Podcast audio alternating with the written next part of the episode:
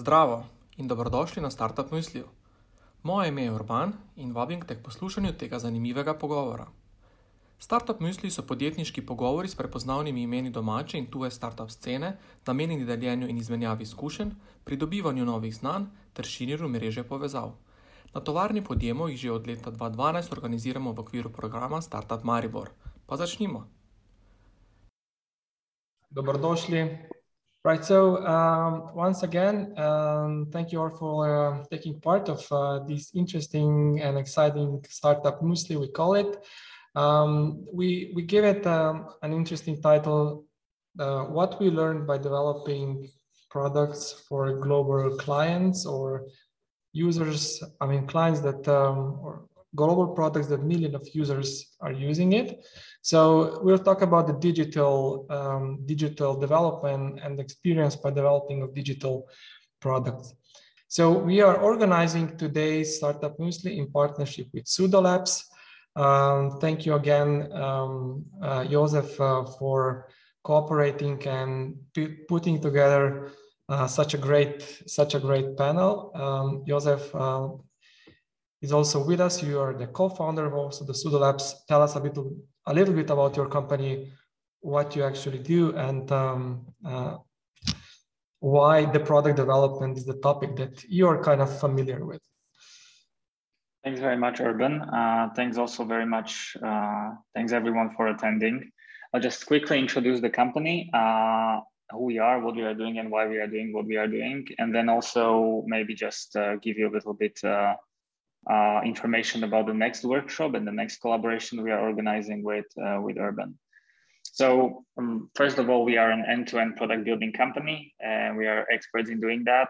Uh, what does end-to-end product, digital product building mean? There are two main things. One, uh, product discovery, uh, where we are shaping innovative ideas into user-oriented uh, digital products to give you an example, normally we are approached by funders who have an idea, they have funding, and they want to make sure that they, they are really uh, essentially following the right idea. So we are helping them validate whether they're solving the right user problem, uh, define the MVP if they're early stage startup.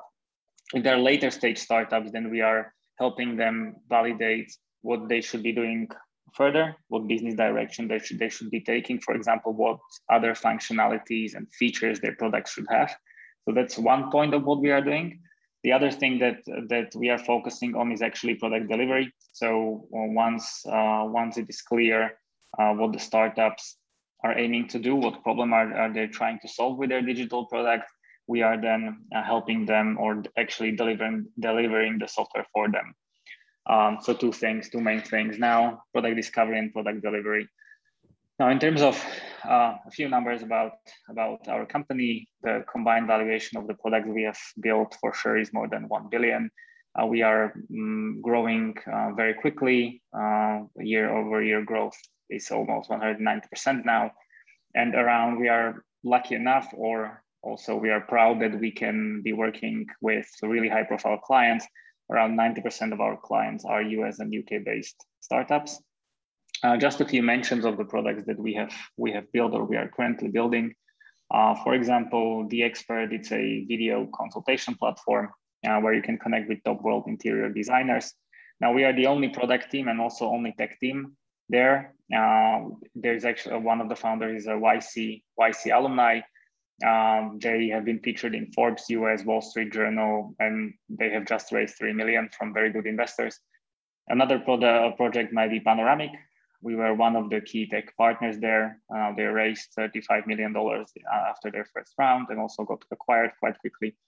Another, another project might be ModMD. That's maybe more interesting from the tech perspective because there we are, is essentially a COVID testing platform for uh, top film productions in Hollywood and our tech handles uh, hundreds of cases of uh, RT, RT-PCR tests every month. Yeah, again, we are the only only tech partner there. So we have quite a few interesting uh, projects. And in case you need any any help or consultation, uh, we are very happy to. If, if you can reach reach out to me or Jan, uh, there are two Jans actually here uh, the discussion, but Jan Jan Kostansky, for, for our chief of product, we are very happy to help. So uh, now let's um, jump to the conversation. Uh, we have actually really interesting hour ahead of us uh, with two Jans and one Elizabeth.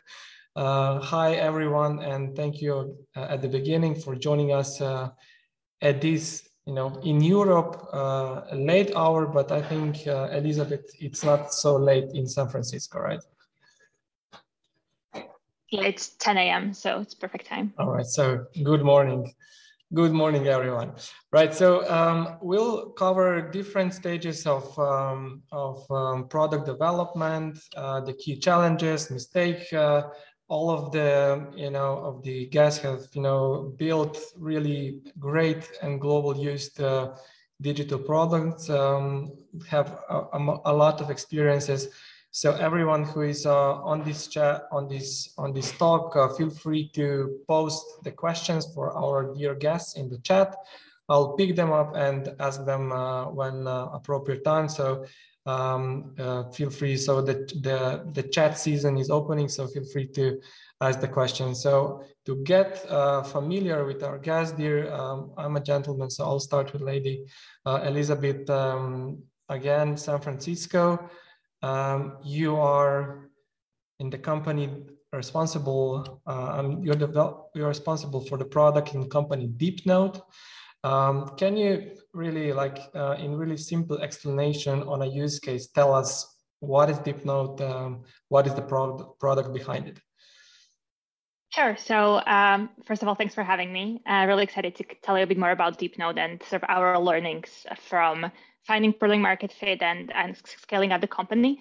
Um, that said, we're still super early stage. So DeepNote actually started back in 2000, end of 2018, 2019. Um, went through Y Combinator, and right now we're raising our Series A.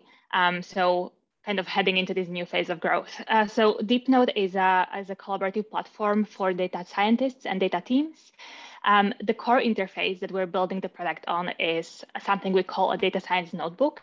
And for those of you who might not be familiar with notebooks, um, Notebook is a very old framework that was created um, 30 years ago um, at Stanford University. And the idea is that as a data scientist, uh, you're often doing exploratory programming. So data science work is very different from engineering work as a data scientist, you don't know what you're building until you actually start building. And you're often start with a question or a hypothesis that you want to prove or disprove. So for example, um, a data science question might be, you know, what is the sentiment around COVID-19 vaccines across social media? Or if you're a business, your question might be, um, what will be our profits in the next three quarters? So you start with this high level question and it's not clear what answer you will get to you sort of need to work with the constraints of your data. You need to iterate a lot. And so what a notebook does is, um, is this interface where you essentially can uh, plug in your data, you can uh, run code, execute it, um, see some insights from the data, um, iterate on it. You can write text and capture learnings that you're learning uh, along the way. Um, and Notebook is this wonderful format which allows you to um, do the computational work, but also give context to the, to the insights you're getting. So what we're doing at DeepNote is really taking this format of a notebook and bringing it into 21st century. So what we're doing is reimagining what notebooks could be for uh, modern data scientists and modern data teams. And we're essentially doing that across three key learn pillars or three key value propositions.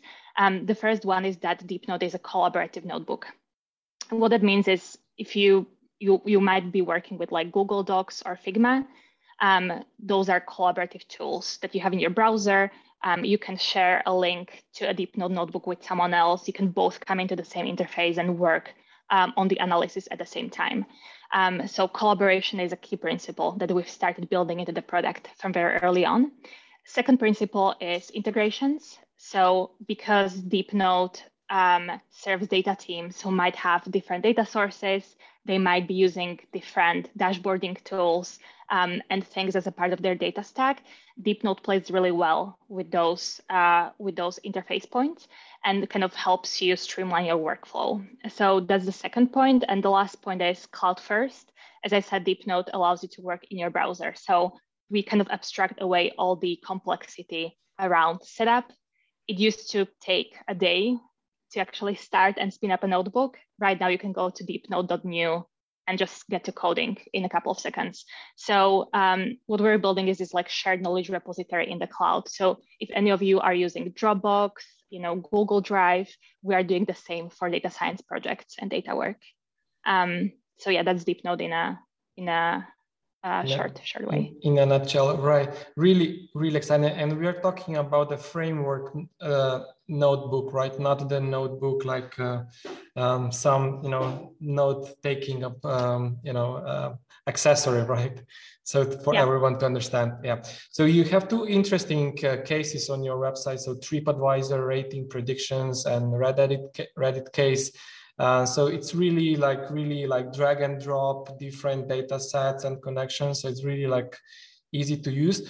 Um, and just for for I'm not a data scientist, but would love to.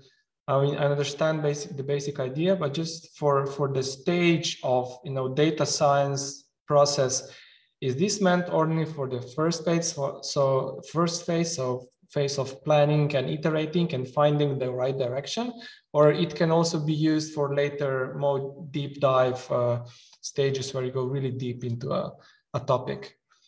Yeah, that's a very good question. And I think, you know, different, so data is proliferated, like all organizations work with data. And this answer actually depends on the maturity of your organization. So for many organizations, notebooks are the entry point to any data work they do. Notebooks is like where all the work starts, um, where you plug in your first data sources, you work with a subset of the data, and you sort of try to develop like a proof of concept for your algorithm, for your machine learning model, for your uh, for your analysis, for your report. So I would say it's a great entry point, but then depending on the workflows of your data team or your organization, um, there are often people who only work in notebooks uh, who actually just work on iterating and improving existing algorithms. So it really depends, but um, I think it's safe to say that most organizations that have some level of data maturity will be using notebooks at some point of their workflow. Fantastic.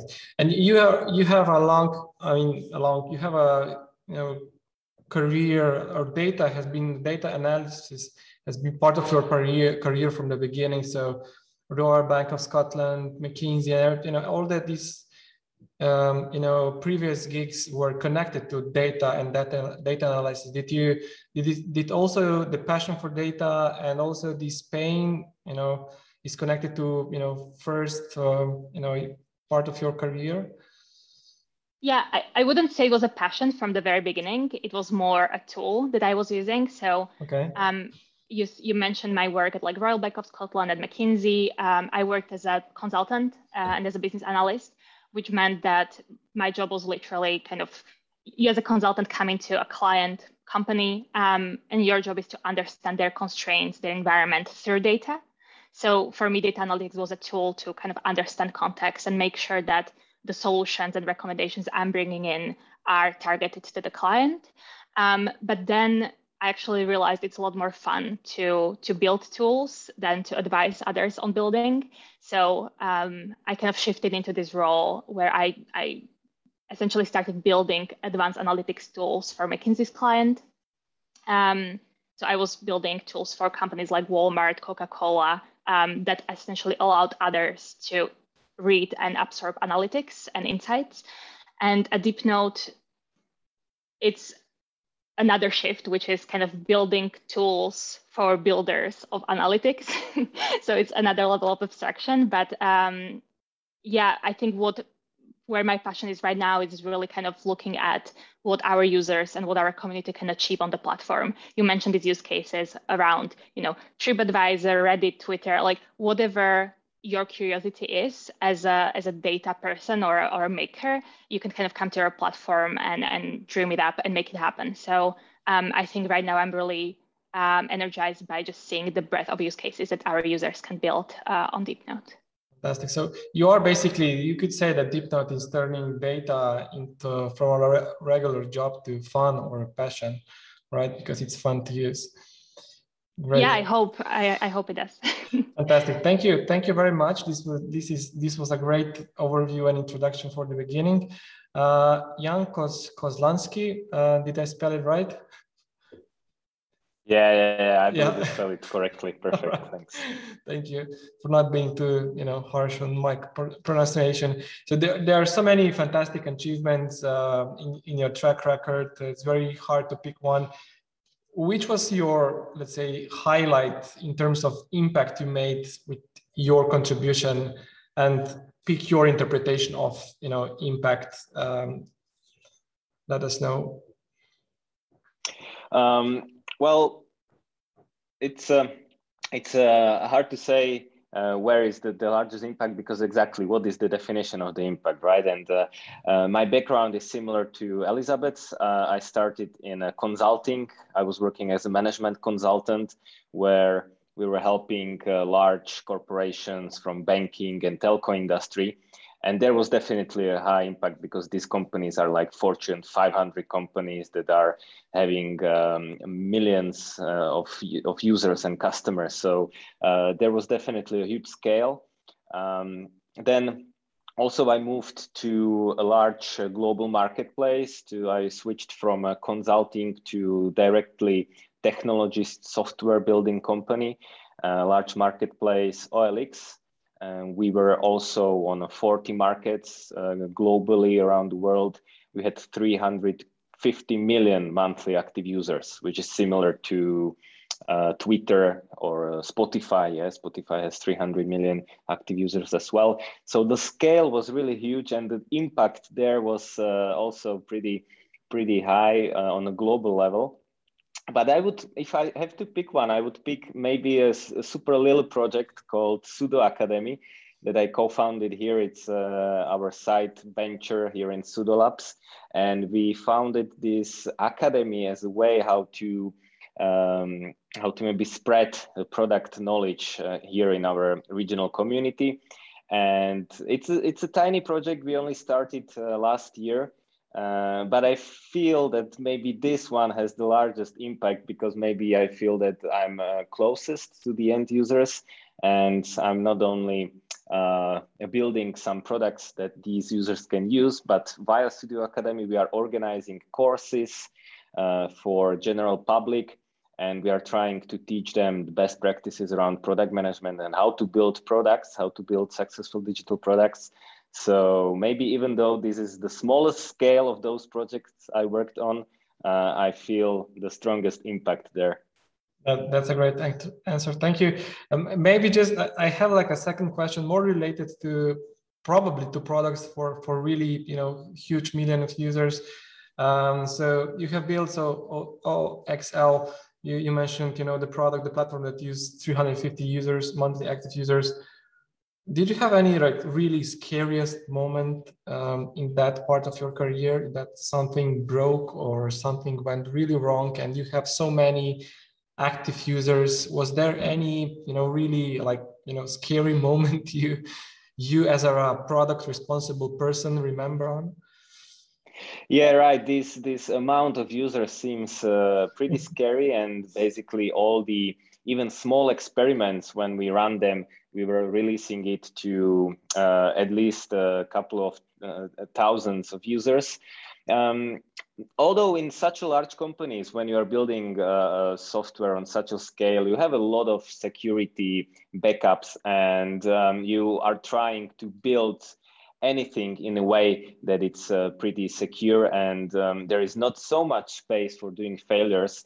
So um, I would say that there were not so many scary moments, and also the anonymity of the of the users are pretty giving you the the peace of mind.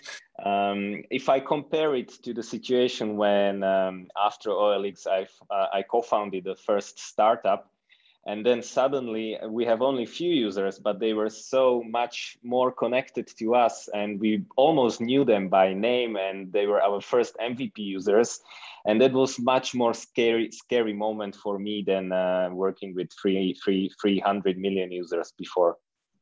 So you don't know 300 500 ip addresses by heart right? So like in those startup days that that time I knew them, but I forgot. No. okay, thanks. Thanks very much for the for the introduction. Now to Jan Jan B. Jan Buza, um, also amazing, you know, track record.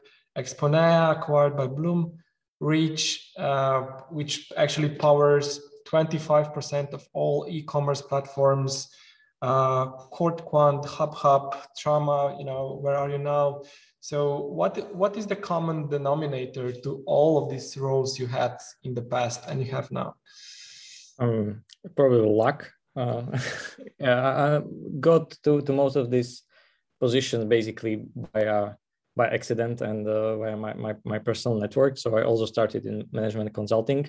Uh, as Jan said, the, the impact was big, but I did not like it that much because mo- mostly it was about firing people and optimizing operations than, than about building something. So after after a short stint, I wanted to start something different. So I joined a, a venture capital fund, and one of their portfolio companies was, was Exponea, where um, I was in charge of business development. So over time, I was taking over different different uh, departments. So I started there when there were ten people, most of them uh, programmers, and uh, I was kind of starting marketing, sales, operations, finance. Um, yeah, then after a year and a half, I, I, I switched to a similar position in HubHub, which is uh, uh, a co-work, international co-work uh, in five countries in Central Europe and, and the UK, where I was in charge of business development, so mostly mostly sales.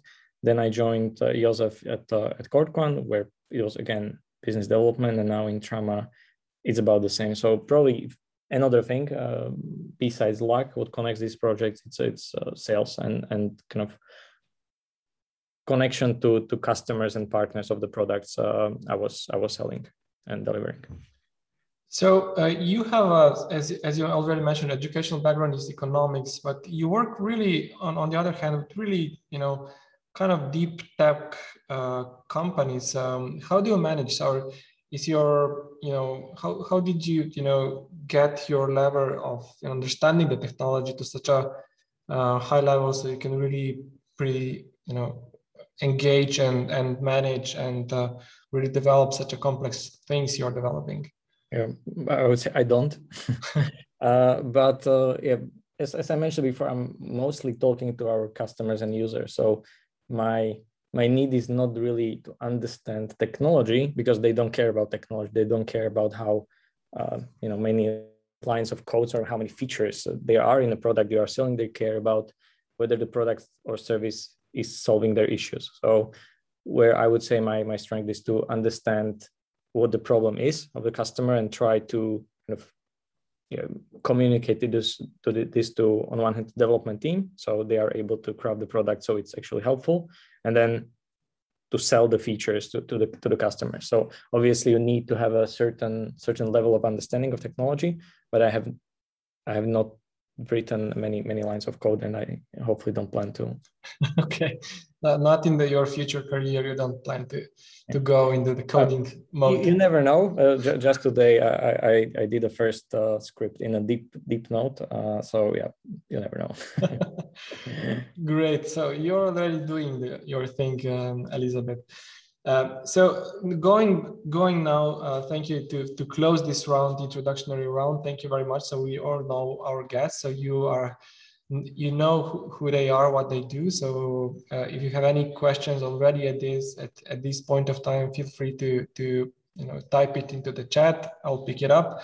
Um, but you know, going back to to your products, right, and in basically uh, who the product is made. Uh, Elizabeth, you, you mentioned that, you know, you have pretty broad range of, you know, people or cases uh, or scenarios that people can use your product, right? So from, um, um, uh, let's say from educational um, to all different, you know, use cases, high school teachers, scientists in sports, right? So everyone, how, how do you basically define the roadmap um, and make you know product based decisions on which feature to implement in which direction to go when you have such a broad range of you know, you know basically audiences or users using your product yeah that's a very good question and i think it goes back to the there's this like core premise, which is that especially in the early stages when you're starting to build your product, you shouldn't try to be everything to everyone because you will end up being nothing to no one. Um, that's probably a more eloquent way of saying that is uh, you have to do one thing exceptionally well before you start serving more than that one use case. And I think with DeepNote, you know, we've been building out the product for two and a half years, let's say. Um, so I would say from that like whole business and product building journey, we're still at the early stages. So we're still focusing on those couple of core users, user personas and use cases, and focusing on how can we build essentially the best data science notebook for them. And so you mentioned these personas like high school teachers, uh, uh, sport analytics uh, and data scientists in sport analytics. Um, you know, we have a whole range of um, customers in fintech, in uh, biopharma, life science companies. Um, so yes, those functions are very different, but essentially the role of data exploration and data science um, would actually be the same. So I would say for those people, uh, regardless of what data set you're working with, or regardless of what's the purpose of the data asset you're creating, um, 80% of your workflow will be the same. So I don't actually see this as an issue. Um, um, maybe one caveat to this would be this use case of education. You know, um, because DeepNote is collaborative, uh, we actually saw a spur of growth when um, when teachers and students went remote during COVID. We saw a huge influx of users. Um, DeepNote actually became the core tool for Harvard at Cambridge for like a bunch of uh, online data science courses as well. And those users started bringing in um, a lot of requirements, like, you know, I would love to have um, a ranking or like a grading assessment tool in DeepNote, or I would love to have integration with this like very specific niche service that I use to interface with my students. And that's when you have to say the decision, okay, is this my majority use case? Like, is this my, is this a user that I'm building for? And our answer to that was, no, it's not. We are building the best data science notebook. We are not building the best data science educational platform.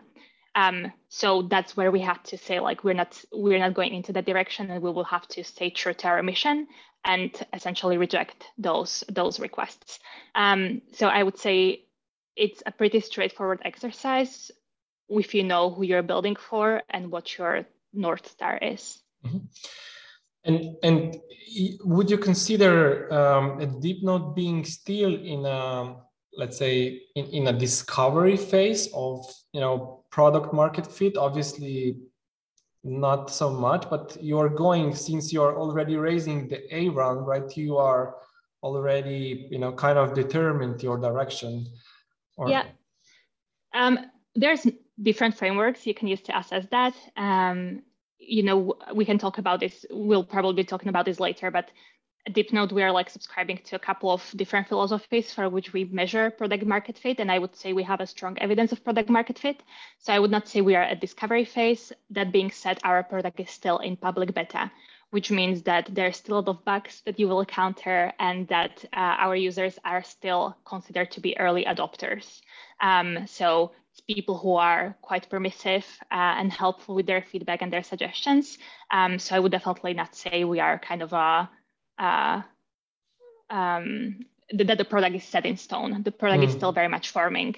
Um, mm. And I think that's one of the many failure points that like especially first time founders have is thinking about your product as uh, a set of linear milestones and that you will get to some point where you're still like oh now my product is this is my product um, i think as your product grows and as you develop that informs your go-to-market strategy. Your go-to-market strategy in return informs your product development, and I think product development itself is um, a never-ending iterative cycle. So I would say we are still in that cycle, and we we, we always will be.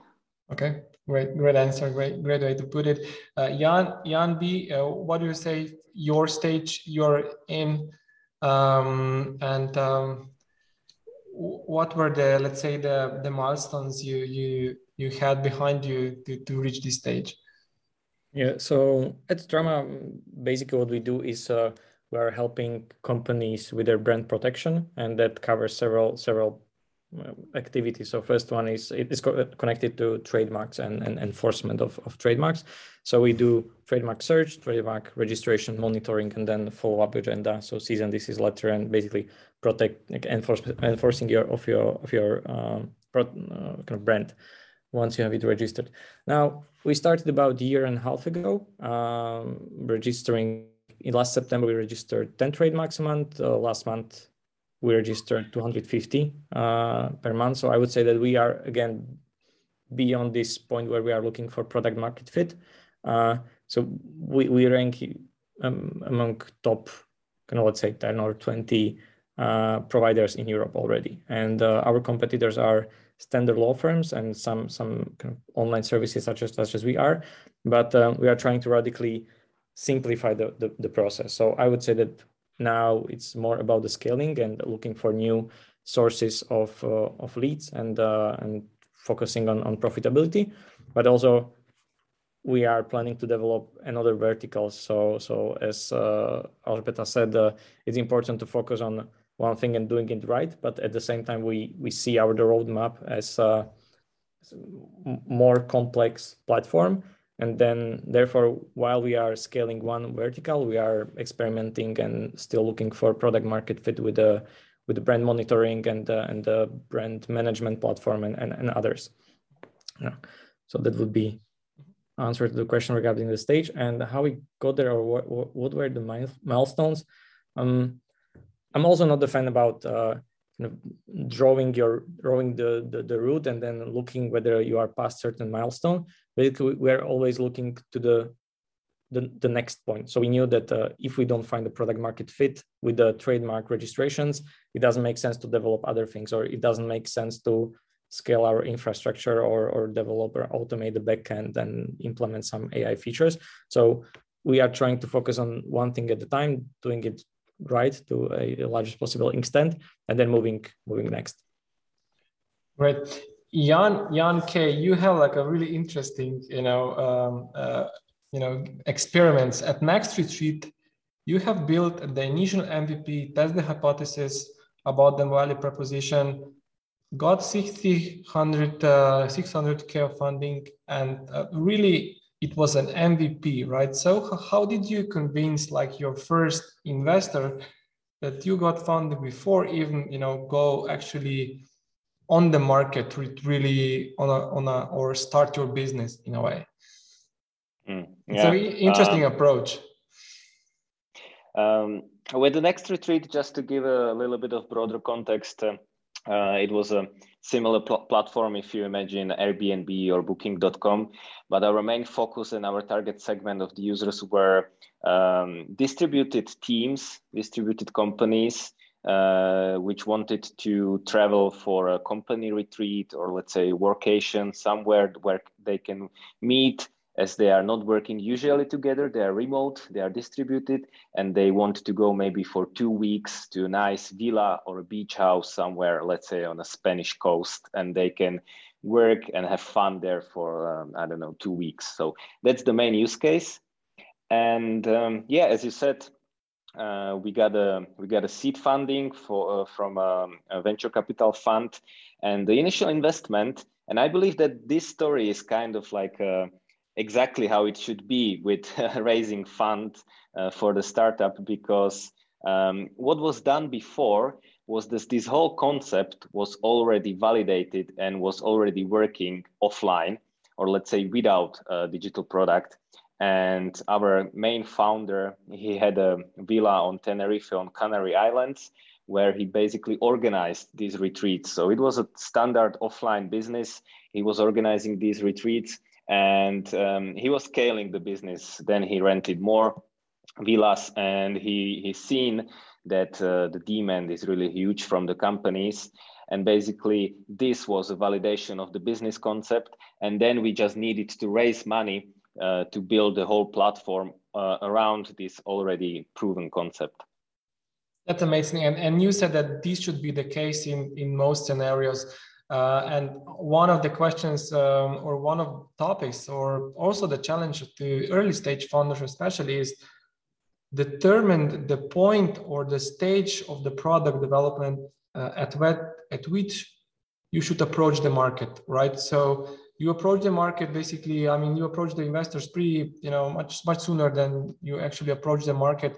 Uh, and now the question for, for Elizabeth and, and Jan at what stage of development of your product did you de- approach the market? Uh, Elizabeth and Jan. Yeah, I think you can and you should approach the market in all stages of your development. Um, so, you know, it might be different for different products. Let's take like a simple example of like, let's say you're uh, building a app for reading newsletters for, for your phone. Um, you know, the, the first stage can literally be like drawing wireframes by hand or you know and taking that to your mom and dad and to your friends and asking them whether that's something that seems useful to them.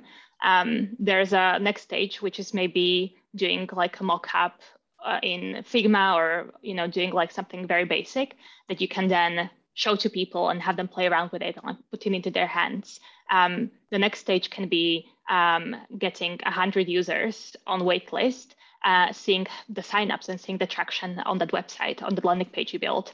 And maybe it's a shitty version that is buggy and crashes every time, but like you are getting data and you're inf- informing your product roadmap and your product development. And actually whether informing whether it's a useful thing to keep investing into and building. So I think you should absolutely approach the market uh, from like the day one. Um, and I think this will be probably a part of the workshop that is happening next week as well, yeah. which is I think this is often the the mindset is that um, you have to have something that's shaped up, polished uh, before you before you approach your customers. But I don't think that's uh, that's the right way to do that.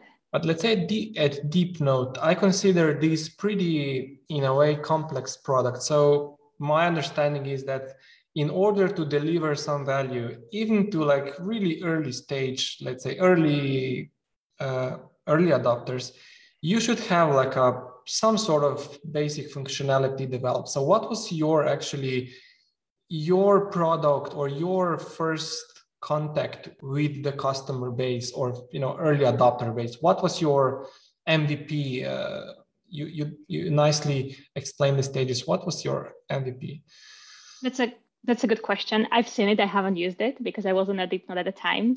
Uh, but I actually know that when we went to Y Combinator, we didn't have an, a, product. We raised the seed round based on the idea, based on user conversation and validation that this is something that people would like to see.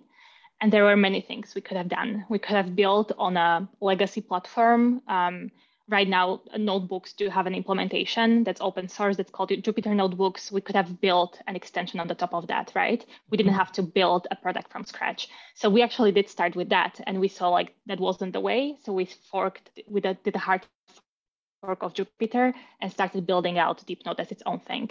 Um, and it was, as I'm saying, like it was bad and buggy. And we had a landing page where people could have signed up into a waitlist and we were letting them one by one as we were ready to start supporting larger volumes of people.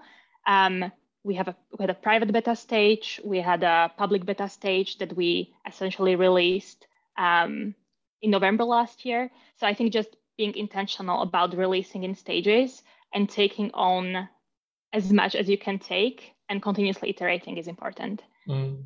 So it's really really similar in a way that uh, like with next retreat. So basically really basic like functionalities or no functionalities at all and approaching the market validated it and then step by step developing. Um, right what, what about jan jan b? Uh, you all you said that you are what year and a half something on the market. You already have really good traction. What was the first version, first MVP with which you approach the market? Yes. So, the the first first MVP was born actually before before trauma. Uh, the the the founder uh, Igor he he was an attorney and he wrote a blog. He wrote a blog about how to register a trademark, and then he um, kind of used Google Ads to point to this blog, and he did not do anything with this. And every month there were 15 people who wanted to buy a trademark just from this block. And then he realized like, okay, uh, I'm doing 15 times the same thing all over again. So maybe I would like to develop a certain platform that will automate my, my, my job. So this was the proof of concept that there is a demand for trademark registration was there before he raised first funding. So from that perspective, it's very similar story to uh, to to to Jan, Jan.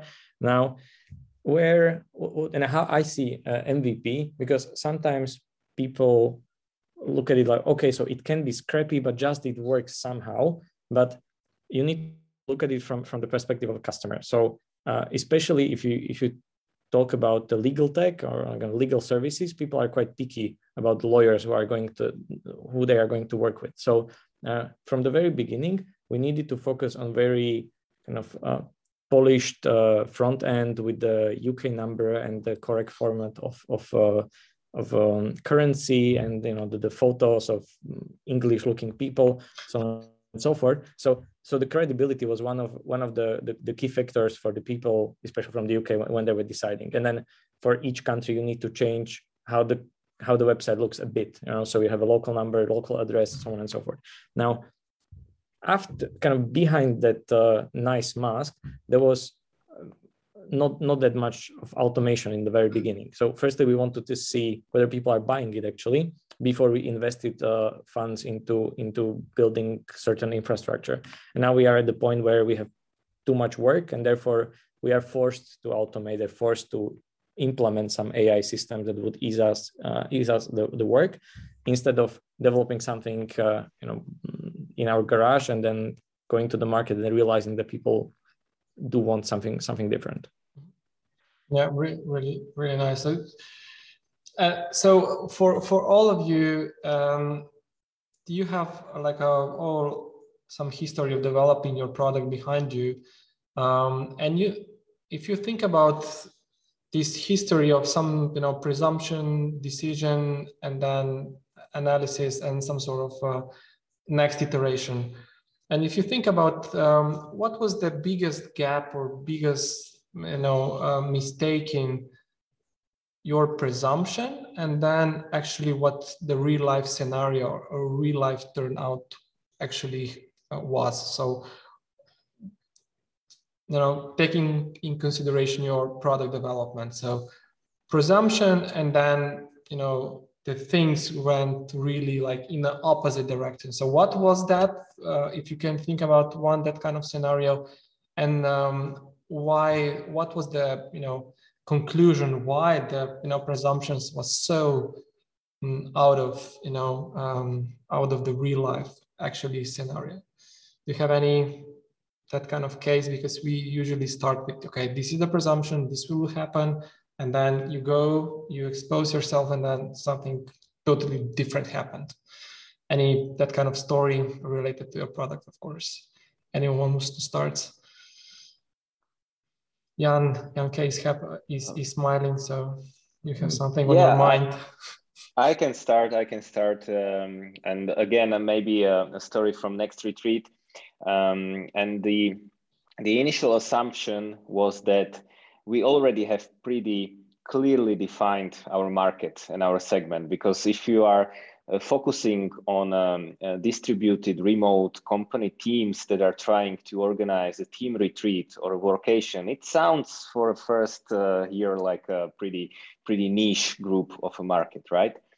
Uh, and after after we built our mvp and released it we found that um, there are still very much diverse needs and uh, user problems that we there that are there on the market on such a niche market and that our mvp was still too broad.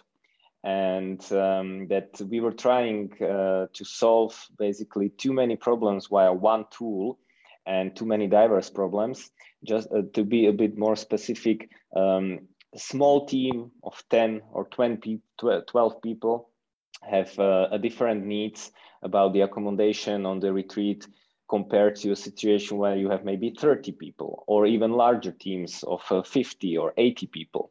And also if they want to travel directly to um, to some beach uh, and have uh, leisure activities there or if they want to maybe go to a city and have more work related activities there.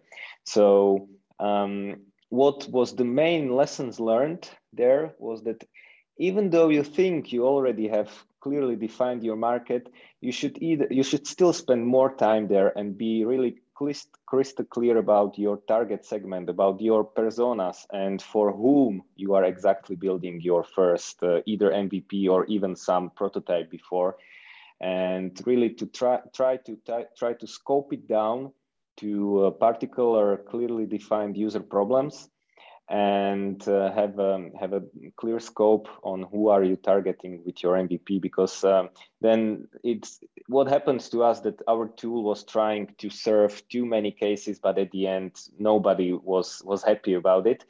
Um, and uh, yeah the the work that you can do at the beginning on the segmentation on clearly defining your personas and understanding their different needs and selecting those where you believe that you can serve at the beginning. So the first main focus target segment, um, that's something that we neglected. And now I know that uh, it's very important to do. Really interesting. What was, I'm wondering, what was the next steps? Okay, you figured out that you are too broad, right? And what, what did you, what did you do next, right? Did you like, again, you know, like build like several landing pages and then test several segments? Or how did you decide? What was the next step after you figuring out okay we are too broad right? Well we had to do a step back and get back to the um, to the to the discovery phase and stay there for a longer time and focus on the user research and talk to these different users and understand their needs better and then do the prioritization. And and the key question was which segment to select and focus on. And one approach was to select the most most business relevant segment or the, the segment where we seen the largest business value which was maybe the large segment of the of the large companies and large teams. But um, this is necess- not necessarily a, a, a, best decision when you are starting with some MVP or when you are starting with your product uh, uh, product development, um, because we rather decided to go for the segments where we know uh, that where we knew that we can serve them the easiest, the simplest way. So the the, the segment that was closest to to us to to get into them because when we when we would like to work with the corporations or with the large companies the sales process is pretty long there and also to to provide them some solution it would take longer time but the business potential there is the largest. So that we knew that that will that will be the segment uh, to focus on later. And at the beginning, we understood the needs of uh, of smaller groups, smaller teams, uh, which we can approach easier, serve easier, and do some kind of validation and prototyping there much easier. Right, uh, Jan Jan B. Any mm. idea about that? Yeah, I I'll, I'll tell a, a different story, not related to the product itself, but sometimes it's not about the product, but about the, the context in which you are selling it. And uh, this is a story from, from Exponea where uh, we're talking to a large corporate and uh, they were like, okay, uh, this is nice. This is actually much better than, than our current, uh, current solution. But uh, guys, you are selling this for 15,000 euros a year. And how, how we are going to explain to the board with, that we, we are just implementing or spend 1 million of euros on IBM's solution, that it's that's doing less than your solution. And, you know, the, yeah, so, so basically it was so good that is they cannot, could not even present it because they would be fired for choosing the wrong uh, uh, solution initially, right? If, if I overestimated. Uh, so that was really surprising. And, and then one, one thing, we increased the prices, but, uh, but uh, in the sales process, there were more obstacles, sometimes not related to the product itself. Uh, that, that was one learning we, we found out over time. Another one was that uh, if you are, it, it's important to listen to your customers and users, but you need to be sure that you are uh, listening to relevant customers and users because usually there is a small minority of very demanding or uh, users or, or power users that really require new and new features because they are really interested in your product and they they they are doing it in a good faith but then if you look at the the general population of your of your users people don't care about super smart features but maybe they just want the whole thing to be to, to be simpler. So then in the end, you may buy you, you may you may build a very sophisticated product that has a core uh, hardcore users, but but the rest of the population will stop using it and switch to, to some easier easier um, option. So that was another another learning uh, from from Exponea, for example, as well. This is really, in a way, delicate decision um, process because you know the let's say this you know the diffusion of innovation theory kind of teaches that you start with those early adopters that are usually you know really hardcore techie people that you know like a lot of features are totally into the you know really feel the pain and uh, they are usually the most i mean demanding and also in a way um, forgiving you know users. But in a way what you are saying basically that you should not uh, if i interpret it right you should not listen you know in what they say and like and take it for granted but you should like also consider other segments as as relevant. The segments that are maybe closer to you know this early majority or you know bigger market segments. Is that what you're saying in a way? Yes so i'm not, not saying about not listening to them but you, you should be aware where's your actual market or or who is going to be average user of your of your of your tool. So if you build some sophisticated platform, but uh, average user is is a marketer that does not know how to write a line of code, then it doesn't make sense to implement some HTML editor because nobody will be able to use it, and you spend the time which will be which will not increase the, your chances of selling this product in, in any way. So yeah, so you need to be conscious about, and as the saying goes, that the strategy is not about things you do, but you about the things that, about it, which you consciously decide not to do, right? So sometimes, yeah, you just need to say no. Mm.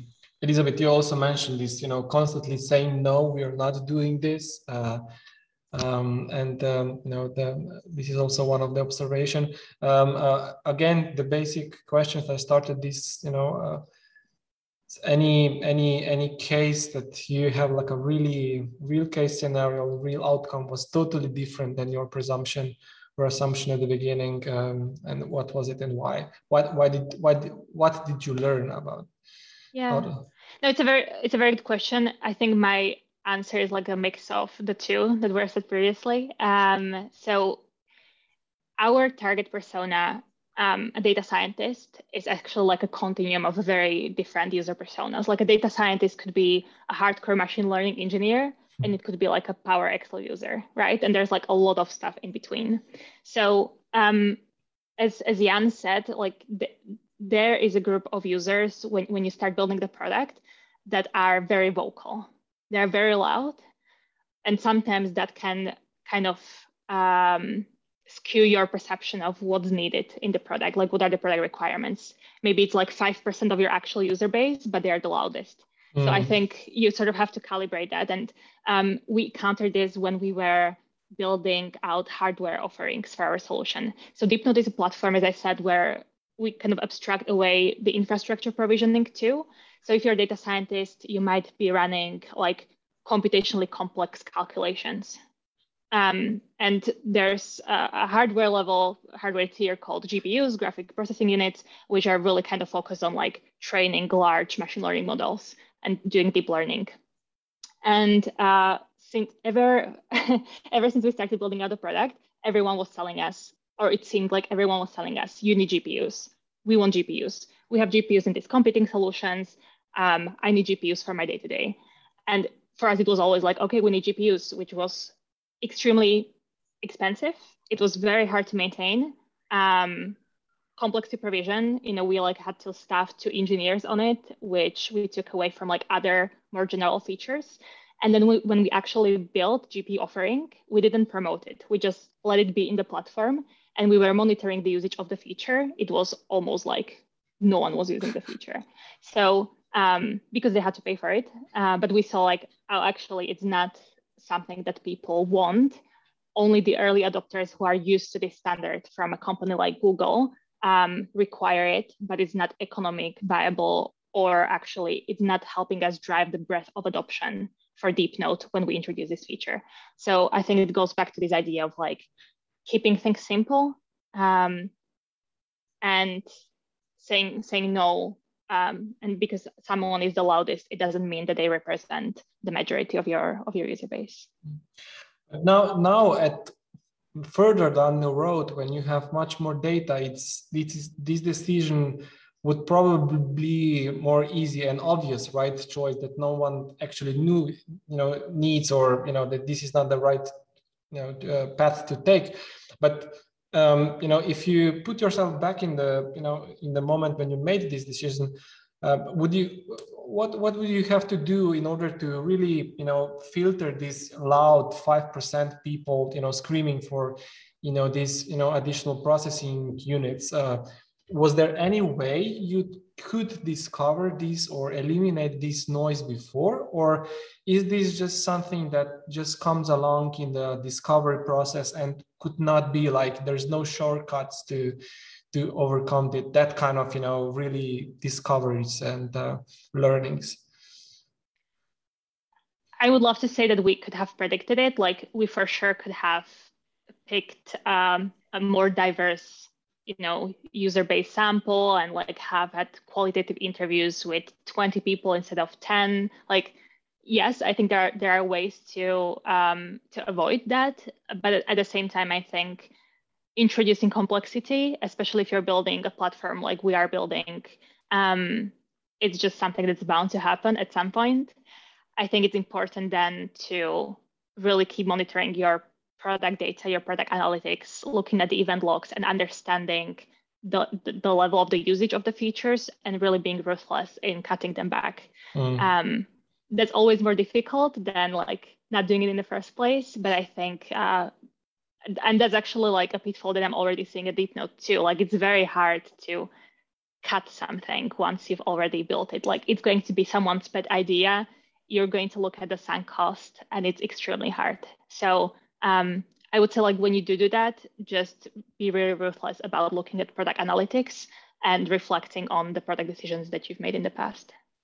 Yeah, Janke, uh, when you have when you develop or you know products for your clients, you have any soft way uh, of you know killing the features or telling your clients that you know this feature is just you know is, is going away? Do you have some sort of digital funerals of the future of the features or some sort? Because as, as elizabeth said this is kind of pretty hard to develop. You put energy money effort love into something that you develop and then you kill it. Um, yeah, yeah, yeah. Very good point because this is uh, many times uh, a tough topic. But uh, what we usually do and how we're going to help our clients is that we try to um, get rid of these discussions about the functionalities and the solutions and try to guide them uh, back to the discovery process and back to the discussions about the user problems and uh, the user personas and again the groups that we are trying to serve and um, of, course, when usually our clients approaches us and they are um, basically our clients in Labs are usually um, startup founders, technology startup founders who has a very good um, business idea. Um, they are strong in their industries and they need a help how to transfer and how to transform this business idea into um, working digital product. And of course, they have a lot of ideas about the features, um, but it's uh, that's the point to get back to the problem space and try to understand what exactly are the problems of the users we are trying to solve.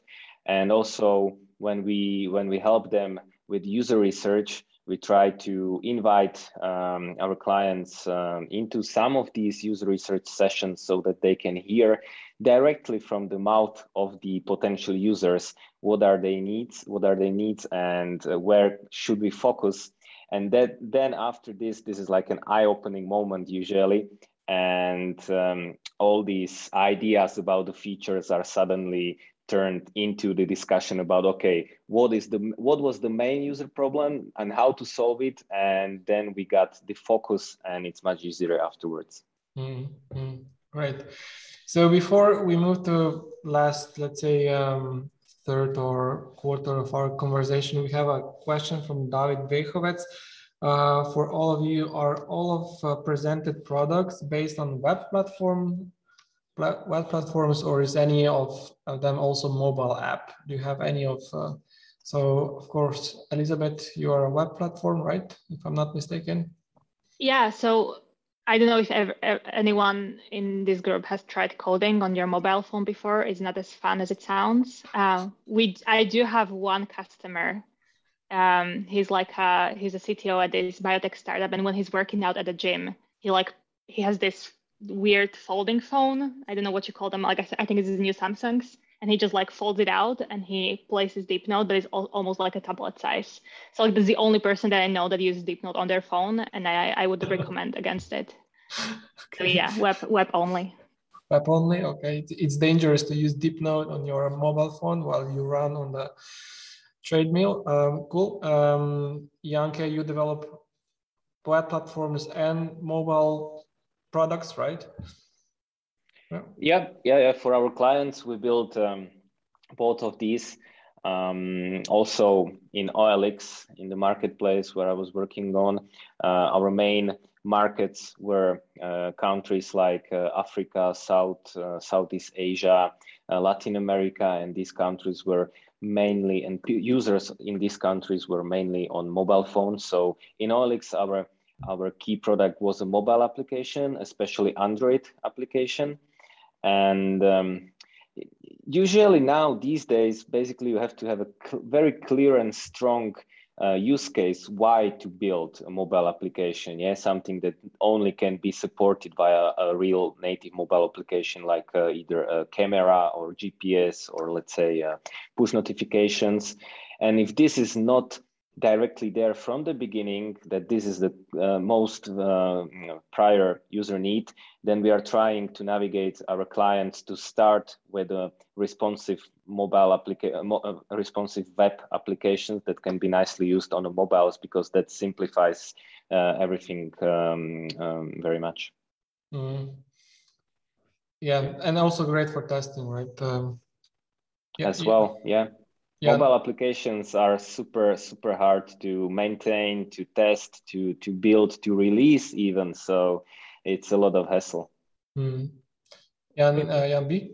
in our case we also have a responsive uh, web app um, our users do have multiple touch points with us so generally they, they give us they send us their trademark for verification on uh, on a computer but then when they get the report they are on the move so they want to see it. They get sms and they want to see it on, on mobile. But then again with the registration where you are filling your company details and need to select certain certain options it's better again to do it on a computer. So 40% of our visits or maybe even yeah about 40% are coming from mobile phones but uh, transaction is done usually on a computer. Mm-hmm. very interesting yeah so um, one question that we cannot avoid on such you know panels like this is uh, about the biggest mistakes you made on the way, um, and um, so let let's start with that. And you know what were the bruises or you know wounds you you you got by these mistakes? You are all alive still, so you, there is no deadly wound, but uh, still, which was the baddest or hurt us you know the most? Um, Elizabeth, Jan, Jan, who will start? I'm, I'm happy to start. Yeah. Um, I I would again start with I think we're way too early for me to like reflect deeply on the mistakes that uh, that Deepnote has made. Um, but what is becoming very obvious is like how crucial simplicity is and keeping things simple and not committing to um, to too many things because by nature of us being a platform, you know, having integrations at the data source start of your workflow and then at, at the export and just serving a breadth of use cases and a breadth of personas, I think there's so many different directions you can take it. And then like, you know, the um, the ability with which you're like able to deliver and solve the pain points of your users is like a is essentially a summary of your vectors. And if you're going into like 50 different directions, you're kind of going nowhere. So um, the baseline for Deepnote is clear, but I think there are many strategic directions that we have taken as we were advancing the product. And now I see that you know, we maybe made a compromise on feature num- feature X, and now it's sort of people people build on that and they start requesting another features coming out of that feature. It's very hard to describe that in a conceptual way, but I, ho- I hope you you know what I'm going with that. So, yeah, I would just say, um, like if there's a mistake that we're making, it's uh, it's definitely um, the, the the lack of compromises and um, I think we need to get better with our ability to be ruthless about cutting features out and uh, staying kind of true to our to our value proposition. But I think this is like a really um, challenging. I mean, um, dilemma, right? Because you're you are solving in a way a complex problem, right? You you're dealing with data with a lot of complexity built as, as in itself. So being simple and stay simple is like I don't know. It's like a um, it's, it's really hard in a way because yeah it sounds very vague but I, will give you a specific example. So for example um, in notebook you can use so we are our, our default we are building on python environment. We are supporting python language. And so many people using python they use different data visualization tools to kind of visualize the data. That's the that's the baseline. And we said mm, like why don't we make that easier and bring in native charts. So instead you having to like write code to visualize your data, you would just click, you know, visualize and suddenly you would have this beautiful chart pop up. And as soon as we did that, you know, the people came in asking, okay, can I have these five different types of charts? Okay, can I have aggregation of the charts? Okay, can I change and like adjust legends? Okay, can I export those into my Power BI? Um, so like the complexity just grows exponentially once you make a decision. So I think when I say keep things simple, I would say like be very intentional about what you're introducing and whether that's really a feature that has been widely requested or that is like really in a core way supporting your your product vision. Mm-hmm. Or what would be the consequences? Because you you probably you didn't imagine that this would cause like an, an avalanche of additional requests, right? Actually, it's such a Jan Jan K. Tell me, you also I think this is you also have a lot of bruises on your uh, I I hope uh, I not have so many of them, but uh, still, of course, few of them. Maybe the the one that I would mention is again with the next retreat, and um, with the situation how we uh, kind of locked ourselves uh, from the roadmap perspective due to our agreement with the investors. And that's often a tough decisioning at the beginning of a startup and the funding process where you have to show to your uh, potential investors some kind of a roadmap and give them some promise of the functionalities or the business results you're going to bring them. And on the other on the other hand how to keep uh, yourself flexible enough to be iterative, to be able to test. And um, basically, the main purpose of releasing an MVP is not already to earn money necessarily. It's uh, the main purpose of MVP is to get learnings and to get um, get insights from the users based on which you can then iterate and do the changes in the MVP and maybe release another version of the MVP. And that's how I would do it these days, but uh, nowadays. But these days uh, we we build our roadmap in a way that okay, MVP will be done, uh, let's say till uh, June and then since June till uh, September, we will work on a phase one, another uh, set of functionalities. And then right after, we will uh, work on the phase three, another set of functionalities. And we un um, unfortunately committed to that. Uh, but right after we released MVP, we seen that uh, a lot of things need to be changed and we cannot proceed to these phases as we planned. And we had to do this step back and that's maybe a pretty strong lesson learned for me that really um, you never know what's going to happen after after you release some first tangible version to the users. And you should not plan some other functionalities uh, further ago and rather keep space for iteration there I think this is also uh, this committing to a certain roadmap uh, or milestone is also the case in all of the, your clients that were kind of founded by, um, you know, you mentioned London, San Francisco based funded clients, right? They all you know committed to investors with some sort of roadmap, or do you have like a similar similar you know uh, challenges, or this is not usually the case, and you don't have this challenge? Um, it's it's not necessarily the case. It depends on the maturity of a founder and how well he can manage this uh, investor relation, and also on the maturity of the investor. So um, here, unfortunately, we received the funding from maybe not so experienced uh, investment fund. Uh, they were great in um, getting the network and uh, giving us uh, some, some help from the network, but maybe their experiences with building startups were not um, so huge. As for example with the clients that we are now working with they have uh, investments from uh, really uh, mature investment funds and venture capital funds, which they know that they should not uh, expect this from an early stage um, early stage product to, to mm. commit to some kind of roadmap. And even they are pushing the founders to be really iterative and to understand MVP as something uh, due to change.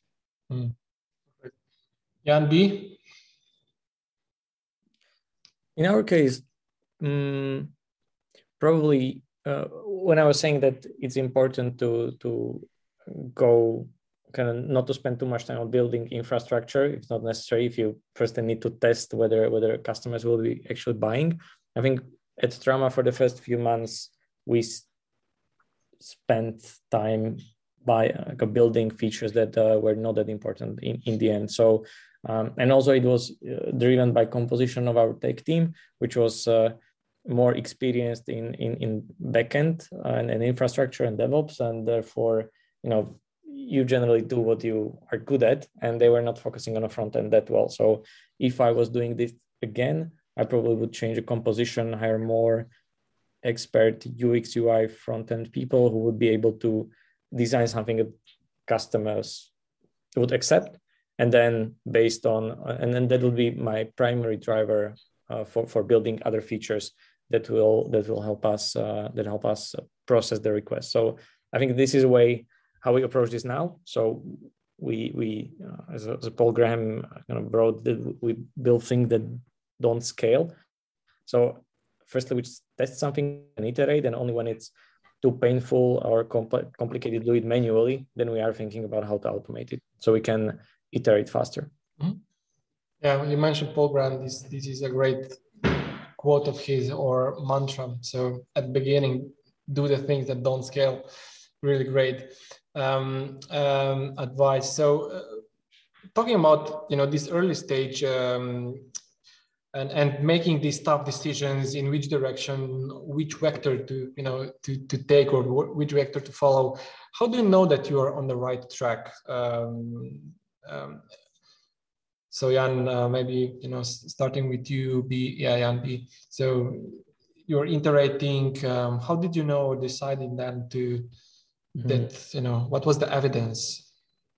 Yeah. Probably you, you never know actually, or like until like, Captain Hindsight will tell you that okay, yeah, so now we are there. But at the point when it's happening, it's really hard to distinguish. So um, in my case, I I tend to say that uh, low expectations are are uh, kind of um, source of happiness. So I always assume that things will take twice as longer as I reasonably expect and will be twice as, as expensive. So I, I try to always um, kind of look for a signal, but but I, I don't tend to jump on on the first signal of first positive signal. So that was also experience back from from Exponea, where, uh, for example, we we won uh, one large client that were they were doing flight booking, uh, kind of international account, one of the major international players, and then we won another kind of travel tech company. So so now the, every all the sales team are like, okay, so Exponea is future top one travel tech marketing solution, right? And all efforts were focused on on this industry. And then a few months back, uh, a few months later, we won two or three telcos again more or less by coincidence. And was like oh yeah so this is great solution for telco companies. And then efforts were focused on telco industry but uh, the, the law small numbers says that it was coincidence and we should not have followed this early signals because it was defocused from original route uh, and and the route that company now takes uh, it's, it's a e-commerce mostly focused focused platform. So um, i think it's important to observe and, and, track all signals but not not to get uh, too too excited about about positive signals because it may be it may be misleading. A little you have something to say about misleading signals or that kind of decisions. What you know how do you know that you're on the right track? What uh, you're a data scientist yeah. in a way to you know you like data so i'm definitely not a data scientist by the way but thank you for saying that um, i'm far from it but um, i think for us at Deepnote this is a bit of an easier question than it is for a company like like Exponea, for example, which is like a B2B business. You know, for our our go-to-market strategy right now is focused really on driving the breadth of adoption and essentially doing B2C. Um, so product data and product analytics is something that's very helpful to us. Um, but maybe just to like take your question, which is uh, how do you know that you're on the right track? I think it very much depends on the stage of the company and of the stage of your idea that you're in. Um, I think I wouldn't overthink it at the first, in the initial stages, as as Jan said, like the the goal from of MVP is to learn, and there is you know qualitative feedback and like real deep interviews with your users can go a long way. Um, for us, we have uh, at this scale a bunch of frameworks that we use to test our product market fit and to understand whether we are on the right track. Um, first is we subscribe to Superhuman's. Rahul Vohra, uh, who's the who's the CEO of Superhuman, he uh, came up with this beautiful framework, which is you essentially ask your users, um, how would you feel if this product wasn't around? And if at least 40% of your users say that they would be very disappointed, like that's the benchmark you should be aiming for. So our first initial stages were essentially getting to that 40% benchmark and like understanding who those people are. And then you can talk to those people who would be very disappointed. That's probably your product market fit vertical and like expanding on their needs and requirements. So that's the first framework that I found very helpful. Second framework, which we use is um, your retention curve. So there's a, a, a line of thought which is um, your retention curve smooths out over time. So, you know, week zero, you have 100% of your active users. Week two, you have, uh, I don't know, 80% of your weekly active users. Week three, and, and you kind of, it goes down and down. And then wh- where the curve smooths out, like that's probably where it sticks, where your product sticks, that's what your core user base is. And you can talk to those and understand what is it that you're doing right. And then um, the last framework we use is NPS, Net Promoter Score, uh, which probably people know, which is sort of understanding, um, asking users whether they would recommend your product to, sorry, how likely they would be to recommend your product to family, friends, colleagues. And um, essentially, there are different benchmarks for that that you can use. Um, um, and yeah, like I think those are great, great things to use there are other tools too. You know, there's tools like FullStory, which allow you to kind of monitor the interactions of your users on your website and understanding like how they interact with the product, by which you can then measure uh, events that the users are taking within your platform. Um, you can like see if they're rage clicking on a part of your product that doesn't work, uh, see if they're not interacting with a different part of your product at all um, yeah, so different things for different stages. I would say like don't overthink it first. Start very simple. Uh, but as your product grows, it gets more sophisticated. There's a bunch of tools and frameworks you can you can adopt. Actually, thanks for all those tips. Um, super useful. Um, and um, yeah, I'm sure all of them um, you know people that are you know listening today, tuning in, that will you know used any of those uh, to to kind of figure it out. Uh, what will be the next step? So um, time is flying like crazy. We are already like five minutes um, uh, till the end of the in super interesting conversation. So it's time to, to close um, in a way. Um, and um, so um, like to close with uh, so each of like final thoughts or remarks about uh, your kind of, you know, let's say tips or hints or um, to to you know people developing products in early stages. Uh, so what would be your one advice that you would you know put on you know um, to founders that are developing the product in early stages? And um, uh, what would be you know, one tip that you know kind of would like to lay on the hearts of uh, our listeners and let's start with uh, jan b and then elizabeth and close with jan k mm, i would say that all my, my if I was supposed to give one, one advice, it would be focus on the problem that really matters and make sure that you are kind of dealing with an issue that's really pain for, for, for people. And if the problem is big enough and the, and the market is good enough, even mediocre product will will survive. Whereas if, if it's not a real problem and there is no market for it, even the best product will not survive. So so and sometimes people fall in love with their own inventions, but yeah, they are kind of not that needed in the world. Unfortunately, thank you, thank you for that really strong one, um, Elizabeth. Yeah, and maybe this one follows on what Oniat said, which is once you have that understanding of who you're building for and that is a real problem, um, make sure to keep it simple. Like keep to the core definition of MVP, which is like what's the smallest increment of product that I can create to really serve that use case and to address that problem. And make sure like that works and that is exceptional and that is really delivering value to users before you start adding on other things. So always be iterative and, and keep things simple and avoid complexity. All right, thank you. And um, Jan? Yeah, from my side, also very much connected to what was said already. Um, less is more, definitely at the beginning, at the early stages of product development. And uh, try to focus on on less uh, user groups, on less uh, metrics, to have only one key North Star metric, one key user segment, less functionalities, less automations, do do things manually, um, less scaling. Try to be really uh, small at the beginning, and um, that that gives you more space and better focus. Fantastic. So I thank you everyone for really, you know, insightful 90 minutes discussion. It was really great.